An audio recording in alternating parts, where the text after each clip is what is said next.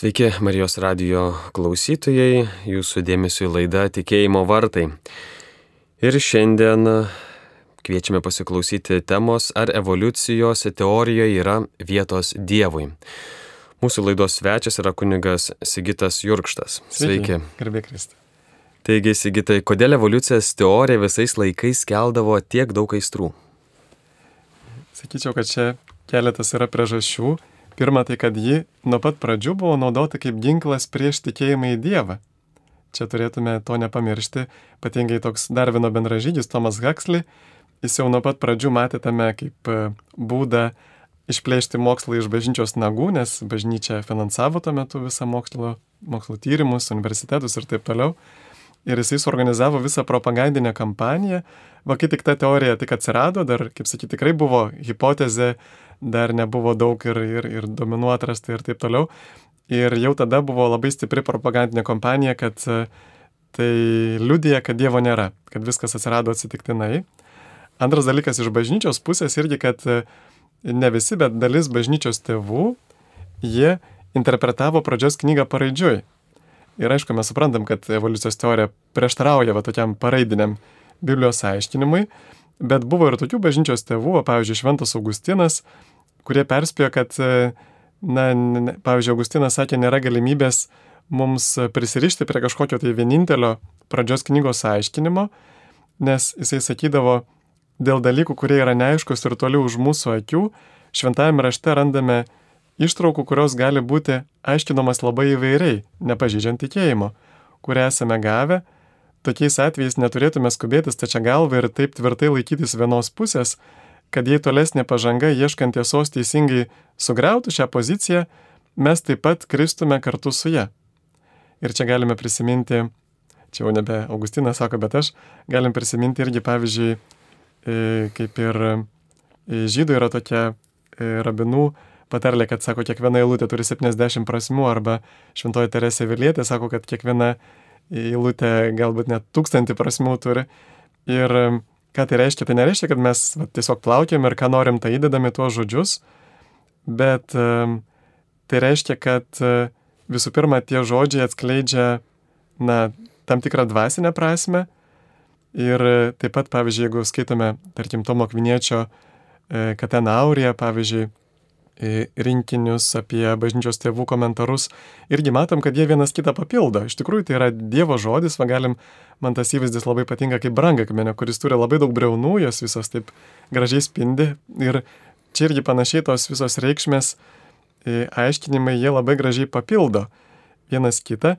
Ir dar plus, jeigu tie dalykai liečia, na pavyzdžiui, mokslą, mes irgi žinom, kad mokslas nuolat vystosi, nuolat atranda naujų dalykų Ir čia teisingai Augustinas sako, kad jeigu prisiriši prie kažkokio tai vieno aiškinimo, paskui paaiškėja, kad jis klaidingas, tai tada taip atsitiko ir bažnyčiai, tada e, visas bažnyčios mokymas, jo autoritetas krito pasaulio kise ir, na, buvo tiesiog atmesta bažnyčia. Taip pat dar problema yra tame, kad Darvinas, e, kada tyrė tos galapagų kikilius, jų tą snapų evoliuciją, mikroevoliuciją, jisai taip labai lengva ranka jos tiesiog tai išplėtė, ekstrapoliavo į tokią, na, kad maždaug tas pats tinka ir nuo bakterijos iki žmogaus, kad nors ten ėjo kalba tik apie tokią labai snapų pokytį, taigi turbūt, kažin ar būtų galima va taip lengva ranka išplėsti. Na, trumpai tariant, kad abi pusės, tiek tikintieji, tiek e, ateistai, kurie naudojasi darvinizmu, jie taip, arba tie patys darvinistai, jie tiesiog perlenkia lasdą. Mhm. O gerai, dabar aš vat, esu nebaigęs šventojo rašto studijų, tai kaip man dabar skaityti tą pradžios knygą apie sukūrimą, kad suprasčiau, kaip ją reikia skaityti? Taip, čia mums daug šviesos duoda antro Vatikano susirinkimas, e, sako, kad reikėtų atsižvelgti žanrą, kurio buvo parašytas literatūrinį stilių. Nu, kaip pavyzdys, pavyzdžiui, yra tokia 96 psalmė, visi miško medžiai gėdos iš džiaugsmo. Tai ar autorius nori pasakyti, kad yra tokia biologinė medžių rušis, kurie moka gėdoti ir džiaugtis, taip? Tai aišku, kad ne. Ir dar jeigu nekalbėtume apie šio laikinio mokslo atradimus, jau pradžios pirmam ir antram skyrių tekste yra ženklų rodančių, kad jų negalima skaityti pažodžiu, jos reikia skaityti perkeltinę prasme. Pavyzdžiui, e, visatos kuriejas, taip, nu, visi žinome, kad e, visatos kuriejas jis pranoksta žemė pranoksta tos dangų šviesulius ir taip toliau, ką beje ir galbūt irgi nori pasakyti tas autorius pradžios knygos, ir čia jau rašyta pradžios knyga jau gana vėlai, vienas iš vėliausių rašto apie 500 metų prieš Kristų, Babilonijos tremty parašyta pradžios knyga, taigi, nu jis puikiai supranta, kad e, tas visatos kuriejas jisai nevaikščios po sodą kaip žmogus, o, parašyta, kad jis vaikšto, kalbasi su Adomu, jisai e, išima iš Adomo šonkulį, pagamina Jėvą, e, pagamina iš kailių drabužius žmonėms, taip pat sudė yra kalbanti gyvatė, taip pat eina kalba apie atėjo vakaras iš aušo rytas, kai Saulė tik ketvirtą dieną sukurta, nuo Saulės atsiranda rytas ir vakaras. Taip pat yra e, Dievas sukūrė dangų ir žemę parašyta, kad nebuvo lietaus. Nors buvo pilna upių, pilna ežerų, šaltinių, bet nebuvo lietaus. Tai vis tiek tuo metu žmogus turėjo suprasti apie vandens garavimą, vandens ciklą. Arba pavyzdžiui, kad ir jeigu suprastume, kad per šešias dienas, na tai taip išeitų, kad augalai duotų vaisių tiesiog sudygtų, duotų vaisių per 24 valandas, nors žmonės žinodavo, kad ir mes žinom, kad, pavyzdžiui, vaismedžių kartais po kelis metus reikia laukti.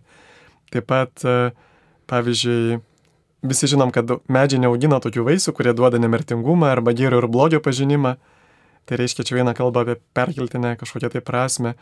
Taip pat tas eiliškumas skirtingas, va, pavyzdžiui, žmogus pirmą sukurtas e, antrajame skyriuje, o paskui gyvūnai, o pirmam skyriui pirmą gyvūnai, paskui žmogus. Ir toks Umberto Kasudo, žydų Biblijos komentatorius, jis teigia, kad tas pradžios knygos autorius, jisai negalėjo nepastebėti to prieštaravimo. O dar jeigu pridėtume e, šio laikinio mokslo atradimus, tada iš viso būtų linksma. Jeigu skaitytume pradžios knygą kaip biologijos vadovėlį, tai tada būtų tikrai visiška nesąmonė. Pavyzdžiui, jeigu matytume, kad, manytume, kad e, Žemėje ir visatai yra nu, nuo 6 iki 10 tūkstančių metų, kaip galime atsekti pagal genealogijas, jeigu tai paradžiu įmant. Tai reiškia, kad ne tik, kad tai prieštarautų ir geologijos, paleontologijos, archeologijos, datavimo metodos, metodų žinioms, bet ir negalėtume žvaigždžių matyti, nes tiesiog tų žvaigždžių, kurios yra už, pavyzdžiui, milijonų šviesmečių ar šimtų tūkstančių šviesmečių, jų šviesa nebūtų atėjusi iki Žemės. Taip pat Nojaus laivas jis buvo toks didelis, kad vienas žmogus jis nebūtų pajėgęs tokio pastatyti. Pavyzdžiui, Nojaus laive turėjo būti mažiausiai tūkstantis dinozaurų, nu, bent jau kiek yra rušių išnykusių ir taip toliau. Ir visa dinozauro evoliucija turėjo vykti maždaug per 400 metų nuo Nojaus iki Abromo, arba Abromas turėjo gyventi su dinozaurais, arba kitas dalykas dėl visuotinio tvano mokslininkai nerado žinių, kitas dalykas dėl kalbos, kad visos kalbos atsirado iš Babelio bokšto, iš to Babilonijos zikurato yra, nu, prieštaravo lingvistikos mokslui. Va, ir dar jeigu pridėsime dar kitas vietas, pavyzdžiui, kad Dievas mirties nesukūrė ir, nu, ir taip toliau, tai tikrai gautųsi e, labai toksai dalykas, kuris, na, tiesiog išstatytų Bibliją pajokai. Ir čia matome, kad e, turbūt atskaitos taškas yra Evangelija ir štai turėtume irgi klausti, na ir, ir kartu, ką tas autorius norėjo pasakyti. Tai kokią tada tą informaciją pradžios knyga nori mums atskleisti?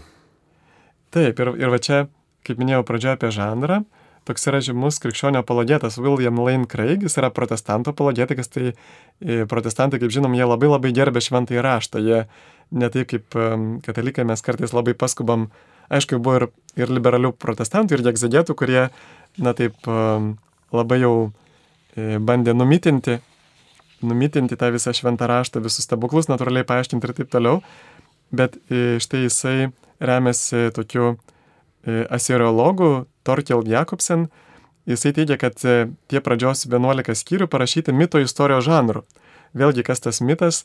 Nu, populiariaja prasme, tai sakom tiesa arba mitas. Tai reiškia, kad mitas yra toks kaip, nu, netiesa, melas, kažkoks prasimanimas.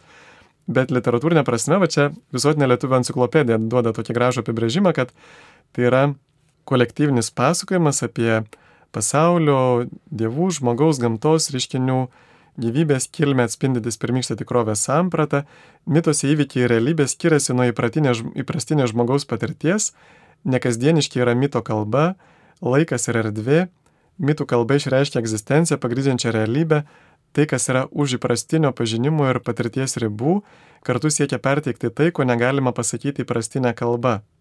Patigi, tai yra bandymas paaiškinti, bet na tokia netiesioginė, bet tokia simbolinė, simbolinė kalba. Ir, ir mūsų Biblijose galim pastebėti, kad pirmi pradžios knygos 11 skyrių vadinami prieš istorę. Tai reiškia, tai nėra istorija, e, bet tai yra, kaip mes ją suprantam, kaip supranta šiuolaikinis istorijos mokslas, bet tai yra tam tikra mito istorija. Ir jeigu mes va taip tiesiog paniekintume e, Bibliją, tai tuomet, e, nu, kaip ir žmogui, jeigu jį paniekinė, jisai nekalba, tai mums nieko nepasakys, bet jeigu mes tikime, kad ji yra Dievo įkvepta, tai jinai gali atsakyti labai daug e, ypatingų dalykų, apreikštų tiesų. Va, pavyzdžiui, Dievas yra vienas, asmeninis, pranokstantis laiką ir erdvę, tobalai geras, vertas garbinimo. Ir čia palyginimai pagonių mitai, jie buvo labai bjaurus palyginti ir jų dievai buvo žemos moralės. Ir net kyla klausimas, iš kur vadžydai turėjo tokio kilnaus Dievo e, sampratą įvaizdį. Taip pat antra tiesa, kad Dievas tikslingai ir protingai sukūrė visatą, yra jos priežastis, ypatingai jos įvairių gyvybės formų. Ir čia irgi yra priešingybė tai pačiai tokiai naturalistiniai evoliucijos sampratai, kad nu, visa tai atsirado atsitiktinai per aklus fizikinius procesus.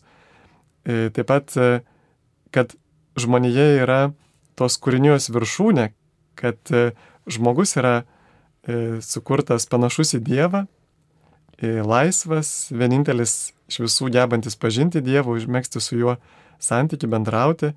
Ir čia vėl skiriasi nuo pagonių mitų, kuriuose dievai kūrė žmonės, kad jiems atliktų vergiškus darbus, pavyzdžiui, ten kastų drakinimo kanalus ir taip toliau. Ir tos dievybės pagonijos ne, nemylėjo žmonijos, jiems reikėjo žmogaus kaip priemonės, o čia žmogus sukuria, Dievas sukuria žmogų kaip panašų į jo, jo paveikslą. Taip pat ketvirtoji tiesa, kad vyras ir moteris yra lygiaverčiai, va čia ir tas ir yra, kad iš šono Jėva sukūrėma, ne, ne kažkur nėra žemesnė už jį ir prie širdies tarsi yra sukurta ta meilė santykiui. Ir nekalbama toliau apie vyrą ir moterį, bet tiesiog kaip vyrą ir žmoną. Taigi iš karto atskleidžiamas va tas Dievo planas, kad vyras ir moteris sudarytų santoką, tokia neišardoma sąjunga. Taip pat penktoji tiesa, kad Dievas yra geras, ir jisai davė žmonijai na, užduoti prižiūrėti, rūpintis Dievo kūrinyje. Ir, ir jisai, tas darbas, darbas, kurį Dievas paveda, jis nėra nuopolio vaisius, bet darbas yra geras. Darbas yra geras ir žmogus jaučia džiaugsmą, kad jis gali rūpintis kūrinyje. Taip pat šeštoji tiesa, kad žmogus gali tyrinėti gamtą gali va, pavadinti tuos gyvūnus, rušis ir, ir jisai, na, tai nėra žmogui nuleista iš, iš viršaus, bet pats žmogus eina ir, pavyzdžiui, pavadina tuos gyvūnus, pats žmogus įdirba ir, pavyzdžiui, pagonių mitose žinios ir technologijos buvo dievų dovana žmogui. Ne, nebuvo pačių žmonių išradimai, Ir, va, pavyzdžiui, viename mite Dievas šlovinamas pagonių Dievas, kad suteikia kirtiklę, kuris padeda kasti drakinimo kanalus. Nu, viena vertus taip, galima sakyti, kad Dievas mums duoda protą, padeda mokslininkams ir tyrėjams ir, ir, ir panašiai išras dalykus. Bet kita vertus, jeigu Dievas, va kaip neidž, ypatingai prieškimuose populiaru, jeigu jis apreiškia slaptas technologijas, tai reiškia, į kieno rankas paklius tos slaptos žinios, tas turės pranašumą, netgi karinį pranašumą prieš kitus mhm. žmonės, taip, būtų tokia tarsi kaip neligybė. Ir tai va, tai yra biblinis pagrindas, va, tam, pavyzdžiui, kaip Adomo ir Jėvos palikuonys jie išranda muziką, metalurgiją, išmoksta auginti gyvulius, taigi yra biblinis pagrindas va, mokslui, medicinai, žmogaus tyrinėjimams. Taip pat septinta, septintoji tiesa, kad žmogus turi paskirti vieną dieną savaitės, kad šlovintų Dievą, kad ilsėtųsi, kad būtų apsaugotas nuo tokio darboholizmo, sveikatos, šeimos suirimo, santykių su Dievu suirimo. Taip pat aštuntoji tiesa, kad vyras ir moteris, žmogus pakluso, e, tai yra pasirinko laisvai nepaklusti Dievui ir jisai išgyvena tam tikrą dvasinę mirtį, atitolimo nuo Dievo, išvarimą iš sodo to, to simbolo, to įvaizdžių. Ir tame gyvenime dėl to jo laukia vargai ir vargas yra va, to atitolimo nuo Dievo e, pasiekmė. E, taip pat e, devinta tiesa, kad žmogaus nuodėmė jinai vis kaupėsi, kaupėsi ir galiausiai jinai na, pradeda virsta žmogžudystėmis ir galiausiai sulaukia Dievo teismo. Ir dešimta tiesa irgi, kad nepaisant žmogaus sukėlimo prieš Dievą, jo planas nesikeičia, jis vis tiek nori žmogų išgelbėti, jam pažada gelbėtoje pažada, va, kaip e, toje trečiame skyriuje proto evangelija vadinama, tarsi nu, prieš evangeliją, kad pirmoji evangelija, kad e, sukelsiu nesantaiką tarp tavęs ir moters ir jos palikonis, jos sėkla sutrins tau galvą, kalbant apie šetoną, tai va žodžiu, kad Dievas vis tiek, pavyzdžiui, ir, ir kaina irgi apsaugo nuo kitų keršto, išgelbsti nojų, na, žodžiu, kad Dievas, jisai, va tos drabužius jam pagamina, Dievas tada, kai žmogus nusideda, jis nuo jo nenusigrėžia. Tai va matom, kiek daug dalykų galim išvelgti aprikštų iš, tos, iš tų tokių mito istorijos pasakojimų. Mhm. E, mėly Marijos radio klausytojus, klausotės laidos tikėjimo vartai, kalbiname kuniga Sigita Jurkštą. Sigitai, o kaip tada su evoliucijos teorija? Jei pradžios knygos nereikia suprasti paraidžiui, tai Dievas galėjo pasitelkti evoliuciją kaip būdą gyvybės įvairoviai sukurti? Čia labai svarbu, kad mes įsiaiškintume, ką reiškia gyvybės evoliucija, ką reiškia evoliucija, kai mes apie ją kalbam, nes sumaištis kyla dėl to, kad tas pats žodis reiškia skirtingus dalykus. Nu, pavyzdžiui, bent tris dalykus galime skirti. Pirma, visos gyvybės E, gyvos būtybės kinta. Ar, ar sutinkate? Taip. Taip. Antra, visos gyvos būtybės kilo iš bendro protėvio. Ar sutinkate? Taip.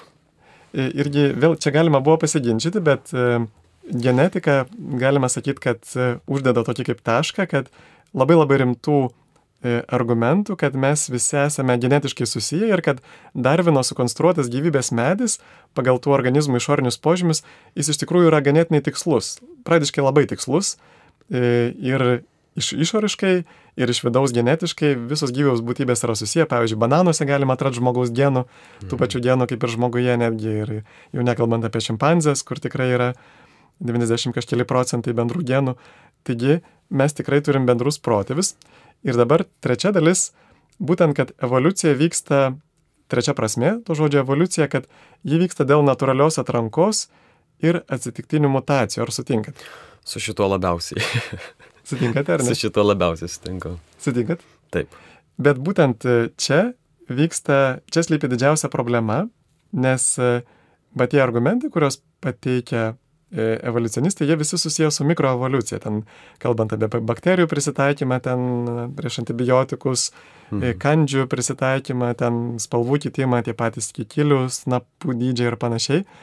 Čia eina kalba tik tai apie mažus, mažus, mažus pokyčius, kurie, kaip kai kurie biologai netgi sako, kelia tokias hipotezės, kad jie yra visą laiką pasikartojantis ir baigtiniai tos mutacijos ir kad gali būti, kad jie iš viso net yra užprogramuoti iš anksto. Mhm. Taigi pati vat, šita tezė, jinai iš esmės prieštarauja, na, galėtume sakyti, matematiniams skaičiavimams ir jie ypatingai pastebi informatikai. Pavyzdžiui, jeigu tu turėtum kompiuterinį kodą ir ir keistum jį atsitiktinai, tai užtenka vieną kablelį netam padėti ir programa neveikia. Ir kaip čia dabar gali būti, kad va štai milijonai, milijardai tų visokių atsitiktinumų vyksta, o, o, gyvas organizmas toliau kaip šliaužia, kaip skraido, mhm. taip, ir, taip ir skraido. Ir, va, pavyzdžiui, dar buvo toks tyrimas 2022 metais e, žurnale Nature apie vienos tokios žolės tyrimą paskelbtas straipsnis, kad joje yra tokie mechanizmai, kurie e, svarbiausius genus apsaugo nuo mutacijų, O mutacijos vyksta, labai labai daug mutacijų vyksta tokiuose, nu, genuose, kurie labiau atsakingi už tokius, nu, pokyčius, kurie leidžia prisitaikyti. Ten spalva, dydis ir taip toliau. Tai vad, būtent čia kyla problema dėl to trečio punkto, kad evoliucija vyksta dėl natūralios atrankos ir atsitiktinių mutacijų vien tik tai, nes iš, iš, iš esmės tai to norima pasakyti, kad evoliucija vyksta vien tik tai atsitiktinumo dėka ir visi tie sudėtingi organizmai, viskas, e, na, ir, ir žmogaus intelektas ir visa kita yra aklo atsitiktinumo produktas. Tai va čia yra didžioji problema. Mhm. Tai vadinasi, kalbėdami apie evoliuciją galėtume priimti ir tai, kad gyvybė nuolat kinta, ir tai, kad jie atsirado iš bendro protėvio, bet negalėtume, kaip suprantu, priimti tos trečiosios prasmės, sakyti, kad tai lėmė atsitiktinė natūrali atranka ir mutacijos. Taip, e, va patys evoliucijos biologai pripažįsta, kad e, Darvino teorija nebegali paaiškinti va tos naujos informacijos atsiradimo. Va čia yra įdomiausia dalis, kad e, mūsų kiekviena gyva būtybė yra užprogramuota kodinė kalba iš keturių raidžių, kodų. Galime sakyti, kad tai yra kompiuterinis kodas. Ir, pavyzdžiui, žmoguje yra 3,2 milijardo bazių porų arba, nu, vadinkim taip, DNR raidžių kodo. 3,2 milijardo. 800 megabaitų išverstume vat, į mūsų supratimą. Ir ne šiaip savo kažkokio tai filmo, bet 800 megabaitų teksto. Tai yra be galo, be galo daug informacijos.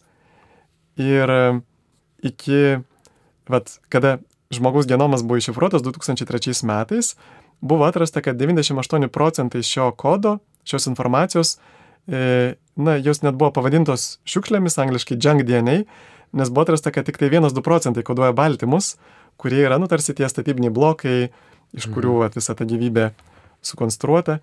Ir tada pradėjo džiuguti biologai ateistai, tokie kaip Richard Dawkins, jie sako, kad tai tikrai rodo, štai yra 98 procentai šiukšlių genetiniam kode, tikrai rodo, kad čia yra visiškai atsitiktinis procesas, atsitiktinai tas 1-2 procentai atsirado, bet jau po kelių metų, 2008-aisiais išėjo tyrimas, kad net 70-80 procentų žmogaus genomo nuolat veikia, ten visai yra ne šiuklės, o labai sudėtinga jungiklių sistema, dar kiti dalykai. Žodžiu, kad mes dar net tiksliai nežinome, ką jie ten veikia, bet mes matome, kad e, e, daug logiškiau būtų teikti ir e, dar yra toksai antropijos dėsnis, taip, kuris sako, kad uždarose sistemose visi procesai krypsta į netvarką. Tai reiškia, kad šita sistema jinai nėra uždara, jinai turi būti kažkieno protingo tobulinama. Man patinka palyginimas apie Toyota automobilius, bet įsivaizduokime, kiekvienas modelis išeina vis tobulesnis. Mhm. Ir, ir tai nėra atsitiktinumo, tai evoliucija darbas, bet tai yra e, labai gabių ir įsilavinusių inžinierių darbas. Ir jeigu nors kartą Toyota sugalvotų va tokį atsitiktinį modelį paleist, nu visiškai atsitiktinį į rinką, tai ne tik, kad jo niekas nebepirktų, bet iš viso Toyota niekas nebepirktų gyvenime. Tai e, vat čia galim prisiminti yra penktasis Tomo Akviniečio Dievo buvimo argumentas, jis vadinamas teleologiniu arba nu, argumentas iš tikslo, iš dizaino, sumanimo siekiant tikslo. E, va galiu pacituoti penktąjį Dievo buvimo argumentą, kuriam prieštarauja va šitas e, atsitiktinės evoliucijos su, supratimas. Tomas Akvinėtis rašo, suma teologijai, teologijos sumoje, kad matome, kad protingumo stokojantis daiktai, pavyzdžiui, gamtos kūnai, veikia siekdami tikslo. Ir tai akivaizdu iš to, kad jie visada arba beveik visada veikia vienodai, kad pasiektų geriausią rezultatą. Na, kaip mašinos, kurios visą laiką atlieka tą patį, tą patį uždavinį, mhm. pavyzdžiui, DNR nuolat taip pat e, kopijuojamas ir, ir galim irgi stebėtis, kad visi žmonės turi 99,6 bendro genomo. Reiškia, tik tai 0,2-0,6 procento genų skiriasi, o štai kiek daug, koks yra didelis tikslumas ir koks yra mūsų genetinis bendrumas visų žmonių tarpusavėje. Toliau tęsiu e, Tomą Kvinėtį. Taigi akivaizdu, kad neatsitiktinai, bet numatytai jie pasiekia savo tikslą. Bet kas, kam trūksta proto, negali judėti tikslo link nebent tai nukreiptų kokią nors žinojimu ir protu apdovanoto būtybę. Kaip strėlė į tikslą, kaip strėlė į tikslą paleidžia lankininkas, todėl egzistuoja protinga būtybė, kurios dėka visi natūralūs dalykai yra nukreipti į tikslą. Šią būtybę mes vadiname Dievu. Taigi, va, Tomas Akvinėtis jisai ne vienas pastebi irgi, kad e, tie organizmai, na, tokie, kaip pasakyti, labai sudėtingi, tikslingi. Va, pavyzdžiui, Žakas Mono E, jisai buvo Nobelio premijos laureatas iš medicinos ir jisai yra ateistas. Ir jisai e, kalbėjo tokius dalykus, kad organizmas ir mašina turi daug ką bendro. Jie gyvendina, aš čia va irgi remiuosi Jozapo, Josepho Ratzingerio katechezėmis mūsų popiežius Benedikto XVI, pamokslais apie sukūrimą ir nuopelį jos yra išleidę Bernardinai pradžioje Dievas sukūrė knygelėje. Ir jisai vat, rašo apie mano mintis, kad e, organizmas ir mašina jie turi daug ką bendro, jie gyvendina bendrą, jie gyvendina projektą, apgalvotą ir protingą planą, rašo e, Jozapas Ratzingeris pasiremdamas mano nuseklų ir logiškai jų funkcionavimo prielaidą, tiksliai apgalvota, racionali konstrukcija. Ir jie turi trejopą pranašumą organizmai prieš mašinas, prieš žmonių sukurtas mašinas. Pirma, tai kad jie yra sumanesni ir ištvermingesni už įmantriausias mašinas, o pažiūrėkime, kokios atšiaurės buvo gyvybė atsirasti sąlygos ir vis tiek gyvybė šitaip išsiskleidė, kito tarpu va, mašina ten lietus palyja, dar kažkas tai ir, ir jau genda. Toliau organizmai gali judėti patys iš savęs, mašinas turi kažkas judinti, kažkas vairuoti. Trečia, organizmai gali save reprodukuoti, nėra tokios mašinos, kuri galėtų save padauginti. Mm. Vat, ir, ir čia yra didžioji problema apskritai gyvybės atsiradimo, nes e, turėjo būti e, štai gyvybės ištokose ta mašina, kuri gebėjo vat, visus šitos tris dalykus ir gebėjo save padauginti. Taigi nebuvo jokios natūralios atrankos, dar nieko, ne, na, bet ji jau turėjo būti, kad galėtų vykti va, ta natūrali atranka. Ir todėl, rašo mano, e, atsitiktinumo tikimybė yra be galo maža ir mes esame vieninteliai, arba kaip jis sako, nu, kad tai yra tikimybė pradiškai lygi nuliui matematiškai apskaičiavus ir kad uh, tai yra be galo neįtikėtina, kad kažkur dar kitur atskirai autonomiškai galėtų atsirasti gyvybė. Va tai, ką aš noriu irgi to pasakyti, kad uh, va štai tas penktas Tomo Akviniečio Dievo buvimo argumentas, jis tikrai atrodo protingas. Ir jeigu mes priimtume, kad evoliucija atsirado vien tik dėl atsitiktinių mutacijų, tai būtų prieštaravimas va, tiesiog tam protingam argumentui. Tai jeigu gerai suprantu, norite pasakyti, kad Darvino evoliucijos teorija tiesiogiai paneigia penktąjį Tomo Akviniečio Dievo buvimo argumentą. Taip, ir, ir penktąjį, ir visus kitus. Ir kaip Darvinas rašė savo, atrodo, memoaruose, kad evoliucija yra tiek pat e, sumanimo ir tikslo kaip vėjo kurse. Nu, kitaip sakant, jis tai laikė evoliuciją absoliučiai atsitiktiniu procesu, bet, nu, pavyzdžiui, pažvelkime į medį, kuris auga, jis irgi atrodytų, kad, na, va, savaime mhm. šakas išleidžia, savaime užauga, jis prisitaiko prie aplinkos, reaguoja į aplinką, bet visas jo augimas medžiai jau yra užprogramuotas jo sėkloje. Arba, pavyzdžiui, va, žmogus, kada vystosi ir va tos uh, kamieninės ląstelės, jos yra vienodos ir paskui staiga išsidiferencijuoja. Ten viena į odą, kita į, į, reiškia, į nervų sistemą, tenais ir, ir širdis, ir plaučiai ir taip toliau. Irgi visa tai jau yra užprogramuota. Ir e, tuo tarpu, kai jie sako evoliucijos biologai, kad, nu, kad tai evoliucija yra atsitiktinis procesas, tai reiškia, jie taip pat sako, kad visa tvarka, kurią mes stebim, tiesiog stebėtinas tvarka, stebėtinas sudėtingumas e, tų visų organizmų, kurie pranoksta mašinas, sako, kad visa ta tvarka yra tiesiog iliuzija, tai yra tiesiog atsitiktinumo vaisius. Ir kaip Josefas Ratzingeris sako, kad žmogus labai dažnai linksta dieviškas savybės suteikti tam, kas nėra dievas, va šiuo, met, šiuo atveju mm. atsitiktinumui. O tai šio laikinis mokslas paremė dabar Darvino evoliucijos teoriją. Galima sakyti, kad bet vėl sugrįžtant prie tų trijų prasmių evoliucijos, tai pirmą ir antrą tiesą tą prasme paremė. Tikrai matome, kad evoliucija vyksta, kad turime e, kažkaip visi, visos gyvos būtybės yra susijusios ir turi bendrą protėvį. Bet štai yra tokie faktai gamtos mokslų, kurie būtent prieštarauja tai trečiai prasmiai, kad e, evoliucija vyksta atsitiktinai, atsitiktinių mutacijų ir natūralios atrankos vien tik tai dėka. Tai pavyzdžiui, vienas mokslo atradimas irgi, kad gyvybė atsirado labai labai anksti. Jau vos tik mhm. atsirado Žemė tinkamos sąlygos, jau atsirado tie E, vienalašiai paprasti organizmai, nu, paprasti mes nežinom, kokie, bet organizmai ir, ir e, matome, kad e, vėl Darvino teoriniai visiškai nieko nekalba apie gyvybės atsiradimą, nors šitas klausimas yra, klausimas yra esminis. Iš esmės, tai, nu, va, įsivaizduokim, Jonas Lennoxas, Oksfordo matematikos profesorius, jis tokia pateikia tokį palyginimą, sako, įsivaizduokit, jeigu aš, aš turiu, sako, laikrodį, kuris atsitiktinai judinant jisai pasikrauna. Bet sako, kas yra svarbesnis, bet to laikrodžio veikime, ar atsitiktinis jo judinimas, ar būtent e, tas pats laikrodis, kuris turi tokį gebėjimą atsitiktinai judinant mhm. pasikrauti. Mhm. Tai va čia vėlgi, jeigu mes neturime mechanizmo, kuris sugebėtų evoliucionuoti, tai iš viso nėra prasmės kalbėti ir apie jokią evoliuciją, taip.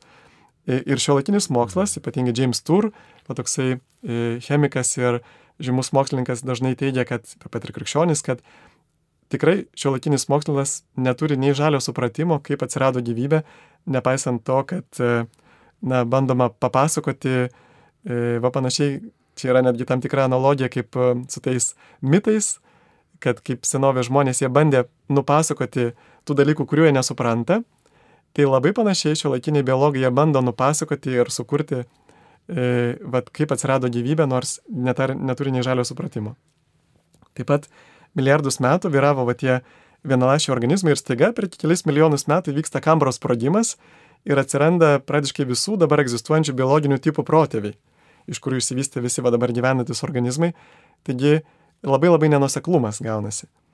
Ir, ir taip pat tie patys evoliucijos biologai, va, pavyzdžiui, Stevenas J. Goldas, jie sutarė, kad e, Darvina, priešingai negu Darvinas prognozavo, kad evoliucija vyksta labai labai per mažus, mažus pokyčius, atsitiktinai ir, ir turi būti labai daug tarpinių grandžių ir pasirodo, kad ne, evoliucija vyksta šuoliais ir labai dėliais šuoliais ir tų tokių labai didelė, didelio kiekio tarpinių grandžių jų nėra. E, taip pat e, Dar vienas faktas, kad labai sudėtingi organai, tokie kaip akis, kuris tikrai yra, galėtume sakyti, technikos šedevras, jie atsiranda ne tik vieną kartą, nu, ta prasme, tai, kad atsirastų ta akis atsitiktinai, tai yra prilyksta laimėti loterijų labai labai, nu, aukso puodą. Ir pasirodo, kad išsivystė mažiausiai septynis kartus nepriklausomose šakose. Akis, pavyzdžiui, ir, ir pas aštuonkojus, ir pas žmonės, ir pas kitus, nors jie, pavyzdžiui, tuo metu išsivystė, kai jie neturėjo dar e, bendrų protėvių, na žodžiu, kad nepriklausomai.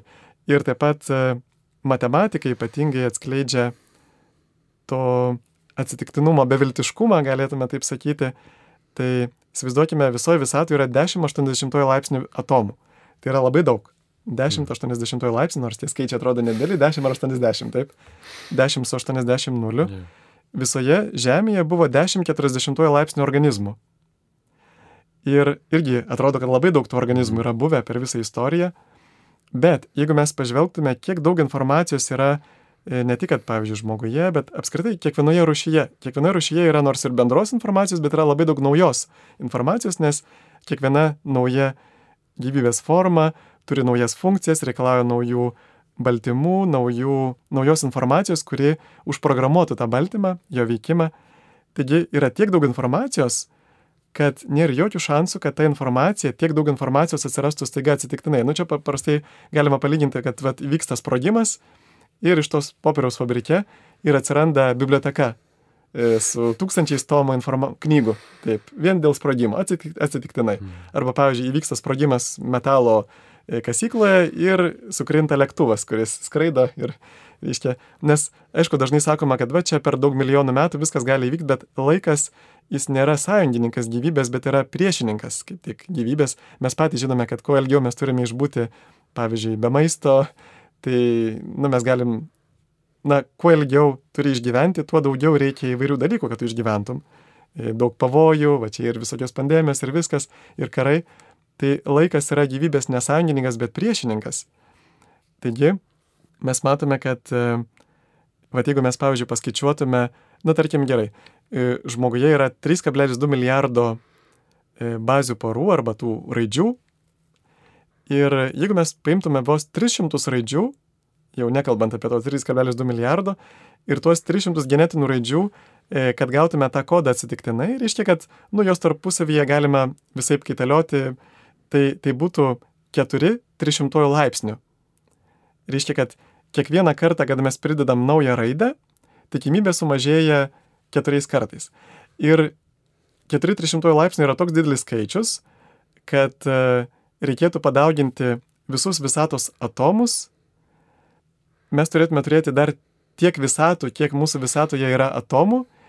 Ir, ir štai visose tose visatose, kiek būtų atomų, tai va tiek būtų variantų, kiek šitos 300 raidžių galėtume gauti įvairių variantų. Reiškia, tai atskleidžia, kad e, ir tai tos raidės yra dar paprastesnės negu, pavyzdžiui, žmogaus e, kalba parašytos raidės. Taip. Ten yra tik tai keturios, keturių raidžių kodas. Tai matome, kad tai yra visiškai beviltiška, kad atsitiktinumas galėtų kažką tokio sukurti. O man labai patiko yra, yra toksai, tokia svetainė, dabar dirbtinis intelektas yra labai populiarus. Home Security Heroes atrodo, svetainė, kur e, tu gali rašyti slaptažodį ir rašo tą svetainę, per kiek laiko dirbtinis intelektas e, jisai tą slaptažodį gali nulaužti. Ir mes matome, kad e, va, ten eina daugiausia 18, 18 raidžių, tasai slaptažodis ir jeigu tenais yra sudėtingesnis kodas, tai eina net iki ne tik milijardų, bet ir trilijonų ir kvintilijonų metų. Ir žodžiu, kitaip sakant, netgi dirbtinis intelektas, superkompiuteris net va to 18 raidžių kodo jisai negali nulaužti per tiek laiko, kiek, pavyzdžiui, egzistuoja visata. Taip, tai tas irgi liūdė, jau nekalbant apie tai, kad nu, vat, genetinis kodas yra daug daugiau negu 18 raidžių, 18 mhm. simbolių. Taigi yra būtinybė, kad čia dalyvautų kažkoks intelektas. Grinas atsitiktumas yra absoliučiai nepajėgus, absoliučiai impotentiškas kažką sukurti, bet turėtų egzistuoti dar kažkoks intelektas, kuris, kuriantis intelektas, kad galėtų atsirasti va tokia sudėtinga informacija. Ir, ir jeigu tie, kurie sako, kad visa tai atsirado atsitiktinai, jie iš esmės e, remiasi tam tikromis progomis. Vat, jie sako, mes nežinome, bet mes tikime, kad tai yra atsitiktinis procesas. Tuo tarpu tiek, pavyzdžiui, mokslininkai yra tokie intelligent design judėjimas, pavyzdžiui, protingojo plano judėjimas, jie nekalba apie Dievą, bet jie sako, kad mes galim įrodyti, kad e, iš gamtos įrodyti, kad tai, kas yra, atsiranda dėl protingo plano, protingo sumanimo. E, sako, mes, kodėl mes galime apie tai išnekėti, nes yra kitose moksluose mes apie tai šnekam, pavyzdžiui, kriptografija šneka apie tai, kad mes galime atpažinti, ar e, va štai tam tikras raidžių kratinys, ar jame yra užkoduota tam tikra žinia, ar tas kratinys yra visiškai atsitiktinis. E, arba pavyzdžiui, nuose, nu, kokie nors iškasenos ar ne, kai, kai mes randame, mes irgi galim atrasti, ar tai yra žmogaus veiklos produktas, ar tai yra koks nors, pavyzdžiui, visiškai atsitiktinis gamtoje susiformavęs dalykas. Vat yra ir kitų dalykų, arba, pavyzdžiui, apskritai mes žinome, kad informacija, ji, vienintelis informacijos šaltinis mums žinomas yra būtent intelektas. Tai čia dabar, reiškia, gyvose lastelėse, kiekvienoje gyvo lastelė mes atrandam gausybę informacijos ir mes sakom, kad ta protinga informacija, kuri vat, suformuoja tą protingą lastelę, kad jinai atsirado atsitiktinai, tai yra visiška nesąmonė. Gerai, bet dabar mes nu, visko dar nežinome. O jei pasirodytų, kad evoliucijos procesas yra visiškai atsitiktinis, kaip tuomet galėtume sakyti, kad pasaulį sukūrė geras ir mylintis Dievas? Taip, labai labai geras klausimas. Ir netgi čia mes turime e, labai labai lengvą išeitį. Netgi mhm. čia Dievas galėtų veikti, nes, na įsivaizduokim, jeigu remint, remtumės Augustinų, kad nereikėtų dabar prisirišti prie kažkokios tai vienos teorijos, aiškinant, va, kaip čia viskas atsirado, nes tiesiog dar nėra galutinių duomenų, eiti ten, kur veda duomenys. Tai mes galėtume aiškinti trimis būdais. Nu, visų pirma, iš, iškart reikėtų atmesti jaunosios žemės kreacionizmą, nes tai yra visiškai, e, kaip pasakyti, nesveikas mokslas, kuris bando pritemti mokslą prie pažodinio Biblijos aiškinimo mm. ir jis iš tiesų yra labai giliame konflikte su, su šio laikiniu mokslu, tai, kas jau yra atrasta, kas jau yra žinoma.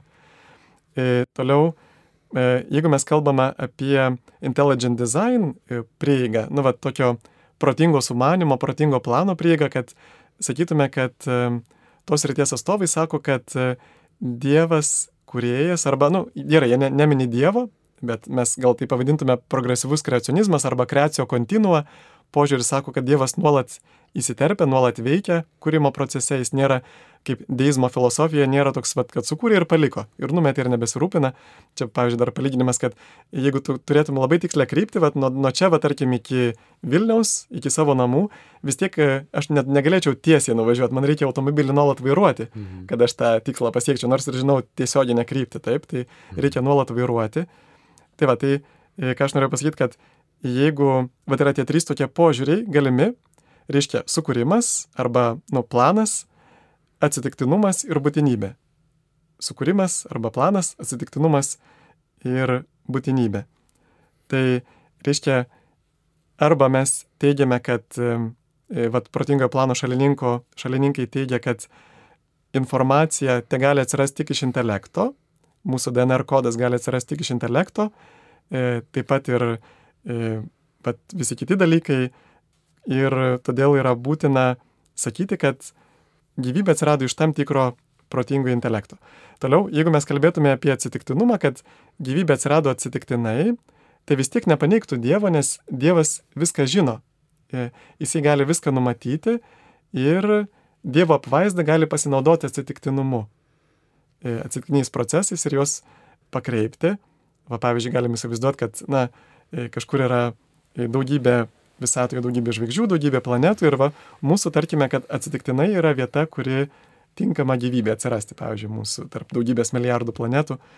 Ir taip pat būtinybė, vėlgi, e, čia irgi dar trečias požiūris, kad e, jis labiau gal e, kalba apie teistinės evoliucijos požiūrį, kad Dievas taip sukūrė mūsų visatą, kad joje neišvengiamai atsirado gyvybė.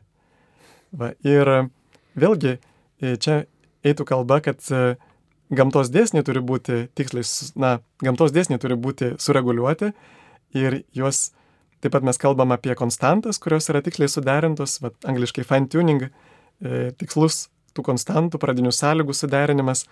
Ir vien jau tai mums neleidžia kalbėti apie e, visišką atsitiktinumą, pavyzdžiui, gyvybės eigoje, e, gyvybės vystimasi, nes e, tai irgi yra labai rimtas mokslinis faktas, kad mūsų visatoje nuo pat pirmos sekundės tos kelios dešimtys konstantų, pradinių sąlygų buvo labai labai tiksliai suderintos ir jeigu nors vieną iš jų nors per plauką pakeistum, visatoje neatsirastų gyvybė. Tai va, tai matom, kad visi tie trys požiūriai iš esmės jie yra galimi krikščioniui. Galima ir tikėti, kad Dievas nuolat veikia gyvybės evoliuciją arba vietomis įsiterpia, va pavyzdžiui, kad ir Dievas tari, ir Dievas tari, ir Dievas tari, tai yra tarsi galėtume interpretuoti kaip tam tikrus informacijos įlėjimus, arba galėtume sakyti, kad ir, e, na taip, veikiant atsitiktinumui Dievo apvaizdą, vis tiek e, valdė tą procesą. Ir galime sakyti, kad Dievas taip sukūrė gamtos dėsnius, E, ir Konstantas taip suderino, kad ta gyvybė atsirado, na, neišvengiamai, va, būtent tame, tame procese. Taigi, kol kas mes turime tiesiog ieškoti, kur, kur veda įrodymai, bet vad kas su teistinė evoliucija, kur yra problema, kad iš esmės teistinė evoliucija jinai per didelį svorį duodavo toms atsitiktinėms mutacijoms, atsitiktiniai tai natūraliai atrankai ir, na, m, iš matematikos požiūrio taško, nu tai yra iš esmės na, netitinka tiesos. Ačiū Sigitai, kad e, atėjai į laidą, kad pasidalinai savo žiniomis, savo mintimis su Marijos radio klausytojais. Brangiai, šiandien buvo tema revoliucijos teorijoje yra vietos Dievui. Tikėkime, šią temą dar ateis ir pasidalinsi dar daugiau. O aš su jumis šiandien atsisveikinu. Girdėjote laidą Tikėjimo vartai, kartu buvo kunigas Sigitas Jurkštas ir aš e, Marijos radio operatorius Vykintas. Likite sveiki, brangiai. Sudė.